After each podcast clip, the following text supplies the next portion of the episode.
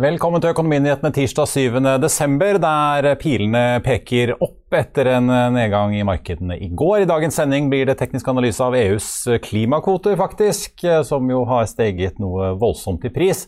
Og vi får også besøk av den tidligere oljefondsjefen, bl.a., som nå skal lede en helt ny fondssatsing som kan bli skikkelig stor. Eh, og mer enn det tror jeg ikke jeg skal si før vi får besøk av han og en annen gjest litt etterpå. Men først skal vi ta en titt på markedet, for hovedindeksen den stiger 2,1 i dag etter et fall på 0,39 i går. Godt hjulpet av en oljepris som i spotmarkedet på nordsjøoljen oljeoljen er opp 1,44% til nesten 75 dollar nå. Den amerikanske lettoljen er opp 2% til 71,40. Rundt oss i Europa så er det egentlig jevn og bred solid oppgang. Særlig i Tyskland og Paris ser vi at aksjemarkedene er opp eh, litt over 2% begge steder. Og futuresene på Wall Street peker mot en positiv start eh, også der. Den store vinneren i dag på Oslo Børs er mobilselskapet Ice, som stiger 14,6% etter oppgangen på 22,4 i går. og Det kommer jo godt med etter det kraftige fallet som mobilselskapet hadde her nylig med den nye finansieringsplanen sin. Ellers så ser vi at eh, PCI Biotech, Nell, Bergen Bio og Kahoot også stiger solid i dag. På tapersiden så er det aksjer som Multiconsult, Europris, Kid og AF-gruppen som er med på å holde oppgangen litt tilbake i Oslo. Link Mobility har inngått en eh, kommunikasjonsavtale med amerikanske Eversource for eh, varslingstjenester. og Den aksjen er opp litt over 7% i dag. En annen aksje som stiger solid, er eh, Wow, som har fått en ny kontrakt på vannrensesystemer for et cruiseskip. Kahoot falt jo 7,2% i går og er nå opp igjen 5,1% i dag. Tidligere på dagen ble det jo kjent at gründer og uh, toppsjef Eiler Tanoa har gjort uh, to delvis gjeldsfinansierte aksjekjøp i år, som har gitt et foreløpig tap på 74 millioner kroner. Bankene har pant i nesten halvparten av Kahoot-aksjene hans. Ellers er SAS opp 1,3 etter at flyselskapet slapp eh, trafikktall for november. Passasjertrafikken er opp hele 467% målt mot november i fjor, noe som ikke er helt overraskende med tanke på nedstengingen som var da. Men eh, SAS leverer fortsatt over en million i passasjerer, og kabinfaktoren økte til 61 ettersom kapasiteten ikke ble tatt opp like mye. Likevel ser vi at inntjeningen per eh, passasjerkilometer er ned 37% med en økende trafikk. Vi er straks tilbake med dagens gjester rett etter dette. I'll see you in court. Vi sier det ofte litt på spøk, men for deg som driver business, er det aldri moro å innse at du ikke har laget en 100% gyldig kontrakt. Du bør ikke risikere hele firmaet ditt fordi du synes dette med kontrakter er litt stress. En avtale er ikke en avtale.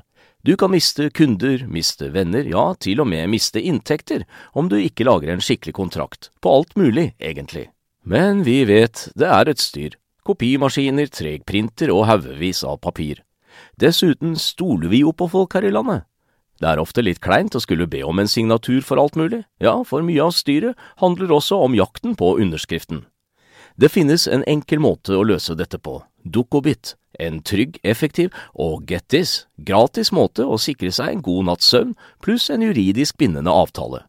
Dukkobit-appen har de strengeste sikkerhetskrav i bunn, samt en EU-godkjent og sertifisert teknologi. Framover vil det bli behagelig å spørre du, skal vi skrive under på det, eller? Kom i gang på dukkobit.no. Da skal vi over til dagens eh, to gjester. Den ene har kanskje gjort høstens store rekrutteringsscoop. Eh, skal vi to en av forgjengerne hans og flere topper i næringslivet. Den andre som vi har fått besøk av i dag, får en krevende oppgave om å skape det som kanskje kan sette både DNB og EQT litt i forlegenhet om noen år, hvis de klarer å nå målene sine. i hvert fall. Velkommen til oss, konsernsjef Øyvind Eriksen i Aker. Og får vi si ja, påtroppende sjef i Aker Asset Management, Ingvild Slyngstad. Og tidligere sjef i oljefondet, for de som ikke har fått med seg det. Øyvind, kanskje jeg skal begynne med deg. Du kan jo umulig ha vært den eneste som tilbød Yngve Slyngstad en jobb etter at han takket for seg i oljefondet, eller til å lede oljefondet. Hvordan fikk du til dette? Vi var ganske sikkert ikke den eneste. Ehm, jeg tipper køen var ganske lang, men desto ehm, bedre at eh, vi klarte å komme i mål og skape en felles mulighet sammen. Ehm, Aker har de siste månedene jobbet med å etablere aktiv kapitalforvaltning som en eh, ny, selvstendig og viktig del av eh, vår virksomhet. Og her, som på alle andre områder Aker er involvert i, så starter det med en dyktig leder Yngve sto øverst på liste, og vi startet dialogen for noen uker siden. Utviklet en felles ambisjon og et felles syn på muligheten. Og på morgenkvisten i dag så kom signaturen på kontrakten og meldingen ut i markedet. Ja, Alle trodde jo at Yngve skulle fortsette i oljefondet. Hva er det han signaliserte? Hva er det han egentlig skulle? Hvordan eh, Ringte dere og hørte om han hadde lyst til å ombestemme seg, eller hvordan gikk dere frem? Ja, Hvis en ikke spør, så får en aldri et ja. Så Nei, det startet med et initiativ og eh, fortsatte med en veldig god dialog. og Hvor um, vi etablerte tidlig at vi ser felles på hvordan kapital må komme nærmere industri for å løse de store omstillingsoppgavene som uh, verden står overfor, som Norge står overfor, og også bedrifter som Aker um, må finne sin uh, løsning på. Og um, med Yngve ikke bare som leder, men også som en viktig ny partner til Kjell Inge, meg og andre i en Aker, så har vi fått en lagoppstilling som gjør at det skal bli veldig spennende å jobbe også med utvikling av Aker Asset Management i samspill med Akers industrielle kjerne i årene framover. Yngve, Vi skal komme litt tilbake til hva du faktisk skal lede, men først, hva fikk deg til å takke ja til akkurat dette tilbudet? Du må jo ha fått tilbud både i Norge og rundt om i verden? Ja, altså Det er to ting med det som gjør det særlig spennende for meg personlig. Det ene er at det er muligheten å gjøre noe viktig i Norge. altså noe virkelig viktig, kan det bli. Og det andre er at dette er en helt ny måte å tenke forvaltning på, tror jeg. Eh, I hvert fall i det området som dreier seg om industriskift og sånn. Og eh, forsøke å få forvaltningen til å ligge mye nærmere industrien. Og se hvordan vi kan bruke den kunnskapen mye mer direkte enn det som er vanlig i forvaltning i dag. Ja, for du skulle jo egentlig til London. Nå stoppet jo pandemien litt den flytteprosessen, men du skulle jo egentlig til London for å lede arbeidet med grønne investeringer og infrastruktur i oljefondet, ikke sant? Ja, det er riktig det. Men det som, er, det som, er, viktig her, er at det er utrolig mye penger som skal inn i dette. Og det er jo det som vi alle er enige om, at vi må faktisk skru sammen energisystemet vårt på en ny måte. Eh, og da er det spørsmål om hvem som kan gjøre det. Og Desto mer jeg sitter og jobber med dette, desto mer tenker jeg at eh, det er faktisk andre løsninger som må komme opp for at vi faktisk skal få til dette. Og da må også innenfor forvaltningsbransjen vi komme opp med nye måter å tenke på. Eh, det der å sitte i et eh, hva skal vi si, offentlig sektor, altså oljefondet er jo veldig spesielt. ikke sant? Det er jo våre alle sparepenger. Man har en helt annen horisont, et helt annet mandat og en, eh, en eier som på en måte er Stortinget sånn sett, i, i vår forlengelse. Hvordan måtte du det opp mot å komme inn i noe privat hvor det er ja, en solid eier, det er på en måte kortere beslutningsveier og en helt annen struktur? Ja, så Det har jo vært en solid eier Finansdepartementet i oljefondet også. Så uh, forskjellen er mer at uh, tror jeg da, at vi, det vi har bygget opp i oljefondet er veldig mye mer dynamisk og veldig lite offentlig sektor-type preg. altså Hele investeringsmiljøet er veldig rettet mot de beslutninger vi tar hele tiden for å få god avkastning. god avkastning. Og Det samme skal det være her, selvsagt. Og Det er jo det det dreier seg om. Vi må skape et investeringsmiljø der uh, hele tiden fokuset er på hvordan vi skal greie å få anvendt pengene på en sånn måte at det blir best mulig avkastning. Vi må snakke litt om uh, hva dere da faktisk jobber med å etablere nå. Fordi I løpet av høsten så har jo det kommet ut at uh, dere skal starte med ventureinvesteringer, private equity-investeringer. Og alt dette skal da ledes av uh, Yngve. Men fortell litt om liksom, den strukturen dere nå setter opp, som jo er, kommer i tillegg til alle de tradisjonelle industrielle investeringene og aktivitetene som dere holder på med i Aker. Ja, Aker Asset Management er et nytt og selvstendig virksomhetsområde i Aker. Hvor um, Aker vil um, være hovedeier og Aker vil være investor i forvaltningsvirksomhetene. Eh, vi vil ha partnere, og i Aker Asset Management blir eh, Yngve ikke bare den første, men også den viktigste partneren til Aker, også som medeier. Ja, for han skal jo sitte med 5% Yngve får 5% på samme basis og på samme vilkår som Aker etablerer selskapet. Uh, og så vil Aker Asset Management ha en portefølje av forvaltningsvirksomheter. Og som du nevnte, uh, det innbefatter uh, startup som allerede er i gang. Det innbefatter venture capital som er under etablering, private equity som er under etablering, og nå da også i stor skala infrastruktur og energy transition-fond som skal investere i virksomheter og i prosjekter under tre eh, overskrifter. Det er grønn energi, det er grønn industri og det er grønne byer. Både du og Aker Horizons-sjef Kristian eh, Røkke var jo sitert i børsmeldingen i morges. Eh, men hvordan skal samarbeidet mellom da, kapitalforvaltningen og resten av Aker og Horizons fungere? Skal, skal på en måte dere pakke sammen og skape prosjekter som Yngve skal komme med kapitalen til? Er det sånn på en måte det skal fungere? Eller? Ja, men utgangspunktet er at Aker eh, Asset Management eh, skal investere i de best tilgjengelige prosjektene globalt i eller utenfor Aker. Så um, Vi legger ingen føringer på at Aker Asset Management skal investere i Aker-prosjekter, men vi har en veldig klar forventning til den industrielle delen av Aker, Aker Horizon inkludert, at de skal utvikle investeringsmuligheter, prosjekter, som møter Asset Managements investeringskriterier, og som vinner konkurransen med andre prosjekter og virksomheter utenfor Aker. Men Fortell litt om hvorfor man går frem på denne måten. Altså, kunne man hentet dette og gjort dette på en måte via Aker? Aker er jo børsnotert. Eh, kunne man kjørt større emisjoner eller måtte investert via der, eller er man avhengig for å få nok størrelse på dette til å etablere en fondsstruktur, sånn som dere gjør nå? Det første er at det er en ting som er spesielt her, som jeg tror er nytt. I tillegg til at vi ligger nærme kompetansen og industribyggingen. Så kan vi si f.eks. på Venture så er det samme at det er nær den selve, altså generere disse tingene selv, komme med ideene. Kanskje se etter andre ideer i tillegg, men det er jo det ene unike. Men det andre er at du har hele rekken her fra da investere i venturekapital, små selskap, nye teknologier, nye løsninger. Med de mye mer langsiktige og store kapitalintensivkrevende investeringer i infrastruktur. Så du har hele spennet. Å kunne bruke hele spennet er ganske viktig. Også fordi at vi ikke vet nøyaktig hvordan disse skiftene kommer til å bli, så må man være åpen for at uh, ting kan bli mindre lønnsomme enn man tror, og hele tiden ha fleksibiliteten. Og det er en fleksibilitet som Aker har vist at de er i ferd med å alltid har forsøkt å etablere.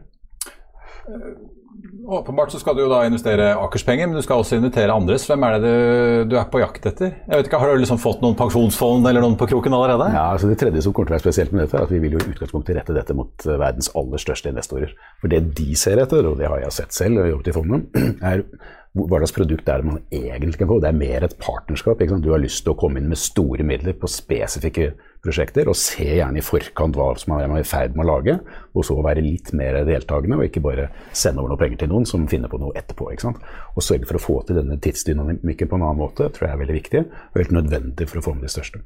Ja. Er det litt etter modell av det dere har gjort med Cognite f.eks., der dere har fått inn eh, liksom, teknologi-venture-investorer fra USA? Ja, Cognite er jo en del av uh, Akers industrielle virksomheter. Men Cognite har nytt godt av samspillet med andre Aker-selskaper, uh, ikke minst uh, Aker BP fra første dag, i senere tid også Aker Horizons og Aker Solutions. Så um, vi har vist at spennende virksomheter og store verdier kan skapes ved å Eh, samarbeidet mellom de ulike Aker-virksomhetene. Og Det er også en inspirasjonskilde til noe av tenkningen rundt Aker Asset Management. Jeg må spørre dere litt om, om eh, mål og summer her. fordi Det har jo blitt harselert litt om eh, dere har tatt feil valuta eller lagt på en null for mye. fordi Dere skriver jo også at målet her er å få en forvaltningskapital opp i 100 milliarder euro. Eh, altså vi snakker jo litt avhengig av selvfølgelig kronekurs, men det er fort eh, 1000 milliarder kroner, en tiendedel eh, av det oljefondet har vært i den siste tiden. Det er jo større enn eh, altså DNB Asset Management sitter nå med rundt 840 milliarder under forvaltning. EQT sitter med 71 milliarder euro, så fortsatt liksom, da blir dere større enn det. Er det realistisk, og hvor fort kan dere klare det? Ja, det, det, som jeg tror folk tenker feil rundt dette, er å sammenligne det med den type forvaltning som du snakker om nå. Hvis du ser på Equinors siste prosjekt, Doggerbank, så er det vel eh, altså 9 milliarder uh, ja, Havvindfarmen i Storbritannia? Ja. ja, ikke sant? 9 milliarder dollar der. Det er ti sånne prosjekter, så har du brukt opp de 100. ikke sant? Så i denne sammenhengen, og samtidig folk snakker om at vi skal ha et energiskifte som kommer til å bli tusen ganger så stort som dette i samlede investeringer, så er det mer spørsmål om du greier å posisjonere deg på en måte hvor du faktisk får tilgang til de store, gode prosjektene, og samtidig få tilgang til verdens største investor. Det er jo ikke sikkert vi lykkes med det, men det er ikke noe vits i å operere i konkurranse med store oljeselskaper på den type prosjekter, med mindre du kan lage skala på det. Så det som er i ferd med å skje nå, er nettopp at skal du være med, så må du få skala. Og Hvis ikke, så er du ikke med på den spillet som infrastrukturfond kommer til å bli. Men Handler dette mer om å få tak i gode prosjekter, egentlig? Altså litt som Aker er i gang oppe i Narvik og vil, ser vel for dere investeringer rundt 50 milliarder kroner. Er det, handler det egentlig om å få tak i nok sånn og mer enn det å få tak i investeringskapitalen? Ja, Det er jo kombinasjon. Eh, kapitalen søker eh, gode prosjekter, eh, og gode prosjekter betinger dyktige mennesker. Så um, det er uh, det samspillet som vi um, nå um, ønsker å, få satt opp i Aker Asset Management, uh, i nært uh, samarbeid med ulike Aker-selskaper, men også eksterne aktører. Så god avkastning betinger gode investeringsmuligheter. Og jeg håper og tror at Akers industrielle virksomheter, særlig Aker Horizons, allerede har noen spennende muligheter og kommer til å få mange flere banker sikkert på døren din uh, fra på andre siden av gangen, på Fornebu kanskje, Yngve. Uh, men fortell litt om hvilken struktur dere ser for dere her. da. EQT f.eks. Uh, 71 milliarder euro fordelt over 27 fond.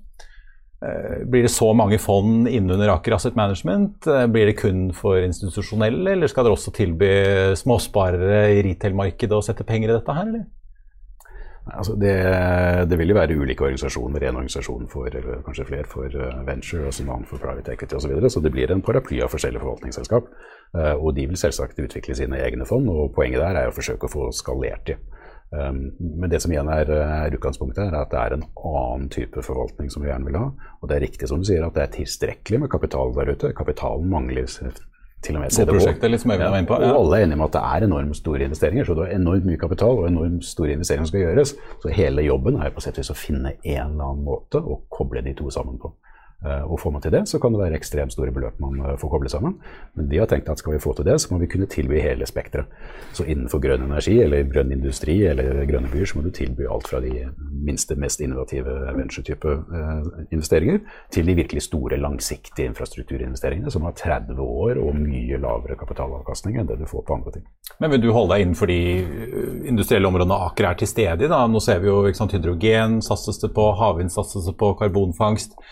Eh, vil dere holde dere innenfor de sfærene for å nettopp kunne ha noen ingeniører og kloke hoder på andre siden av gangen på Fornebu som dere kan konsultere med og, og, på en måte dra nytte av? Altså, det, det, jeg har sett etter, er noen som faktisk er villige til å tenke at vi kan spille på veldig mange ting samtidig. Fordi vi vet ikke nøyaktig hvordan dette energiskiftet kommer til å skje. og Derfor så må man være åpen for alle disse variantene som kan komme. Og Aker er jo ganske unik med hensyn til viljen både til å bevege seg raskt og tenke hvordan man kan komme inn i nye områder. Og har jo lang erfaring på forskjellige industriprosjekter og forskjellige samarbeid med forskjellige andre aktører. Ja, hvordan sammenligner du dette altså Da du var i oljefondet, så skulle dere sette av 100 milliarder kroner eh, til grønne investeringer og liksom ut, utenfor eiendom og obligasjoner og aksjer i starten av 2020. Eh, nå er det fort tigangeren eh, halvannet år etterpå.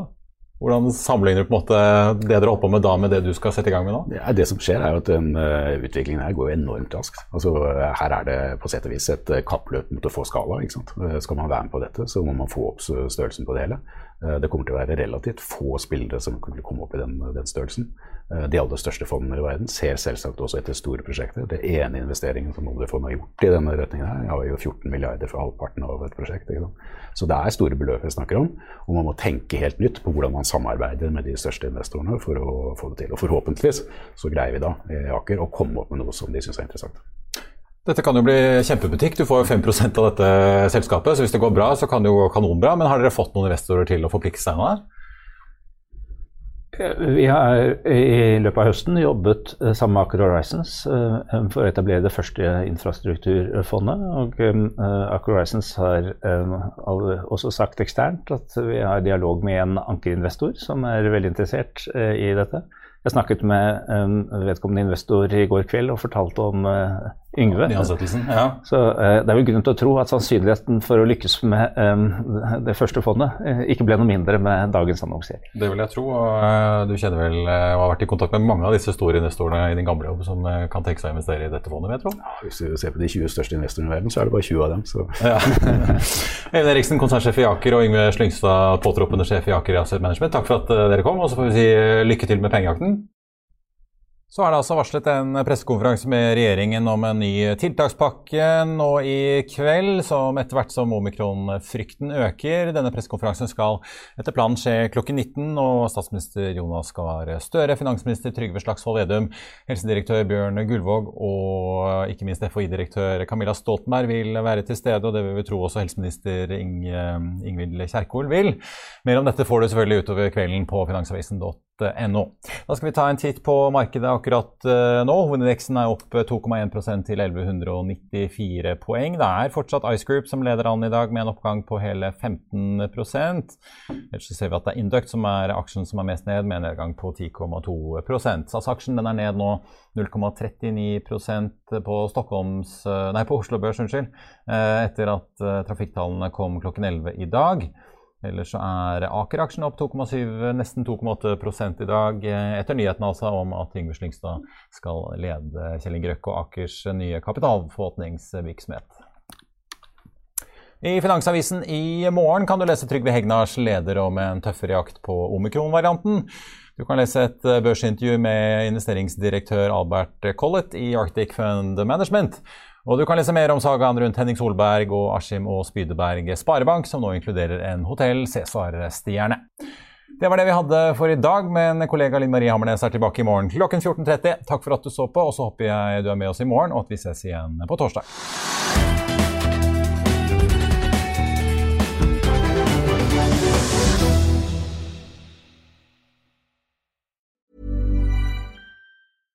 When you drive a vehicle so reliable it's backed by a 10 year, 100,000 mile limited warranty, you stop thinking about what you can't do and start doing what you never thought possible. Visit your local Kia dealer today to see what you're capable of in a vehicle that inspires confidence around every corner. Kia, movement that inspires. Call 800 333 4KIA for details. Always drive safely. Limited inventory available. Warranties include 10 year 100,000 mile powertrain and 5 year 60,000 mile basic. Warranties are limited. See retailer for details. Økonominyhetene er en podkast fra Finansavisen. Programledere er Marius Lorentzen, Stein Ove Haugen og Benedikte Storm Bamvik. Produsenter er Lars Brenden Skram og Bashar Johar. Og ansvarlig redaktør er Trygve Hegnar.